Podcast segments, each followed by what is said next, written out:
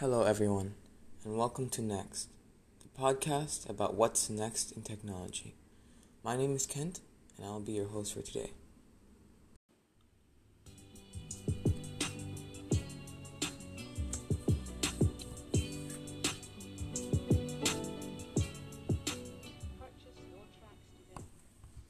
Today, I'll be talking about the Oculus Quest 2, a new device that Facebook announced in the Facebook Connect 2020.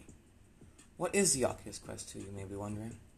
The Oculus Quest 2 is a virtual reality headset capable of hand tracking, gaming, and all sorts of productive things. The Oculus Quest 2 is an improved version of the Oculus Quest 1, containing a 50% better display and with a 50% better processing power. The original Quest started at $400, but somehow, with all the improvements of the Quest 2, it starts at $299. The bigger question is why? Why would Facebook cut down the Oculus Quest 2's price? What benefit would they get from making less money per headset? And this is the answer. By cutting down the price of the headset, more people can afford the headset, resulting in more people buying the headset. And here's the kicker. In the new Oculus Quest 2, you are required to have a Facebook account if you want to actually set the Oculus. So if you if you don't want to set it up and you don't want to get it, then it's fine. But if you want to get it, you need a Facebook account. This helps Facebook grow new users, as well as sell your information to advertisers from the headset. So Oculus Quest 2 users might start getting targeted ads for things such as Oculus games, etc. The crazy thing is, five years ago, when Facebook bought Oculus, a representative of Facebook promised the Oculus community something like this will never happen. So anyone who really does not want to be part of Facebook has no choice. And if they want Oculus Quest 2, they will have to have a Facebook account. But if users can look past the Facebook account issue, then here are some reasons to buy the Oculus Quest 2 over the Oculus Quest 1. After a few words from our sponsor. Your devices keep tons of data about you. Where you live and what you like. What your loved ones like.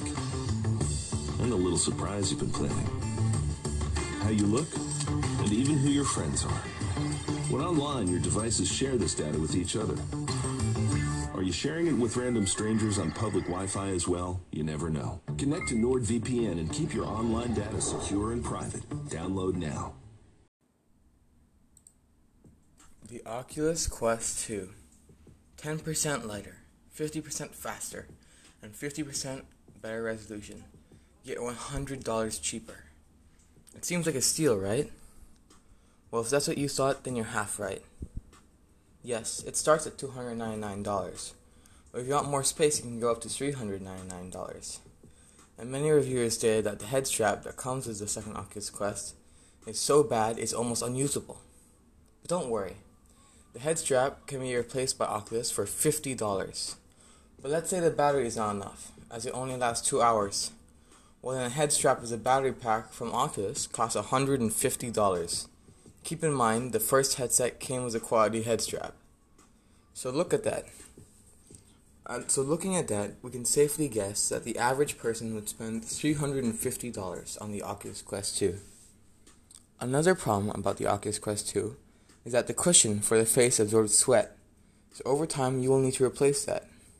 This is not a problem for the first Oculus Quest, as the materials are different. The Oculus Quest 1 has a leather-like cushion that is easy to wipe down, while the Oculus Quest 2 has a cotton-like substance that absorbs sweat. So let's add another $20 to that combination. That's a total of $370 for an Oculus Quest 2, and keep in mind that the first Oculus Quest costs $399. After running the numbers, it doesn't appear to be much of a steal at all. But that doesn't mean the Oculus Quest 2 is not worth buying. In fact, once you have all the accessories, the Oculus Quest 2 is miles ahead of the Oculus Quest 1 and would still be cheaper.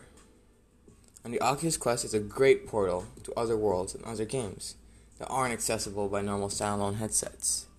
And I personally believe that the Oculus Quest 2 will help pave the future for, of VR by inspiring competition at the price point, encouraging innovation until one day we all would have to do is put on some glasses and we'll be transported to another world of endless possibility.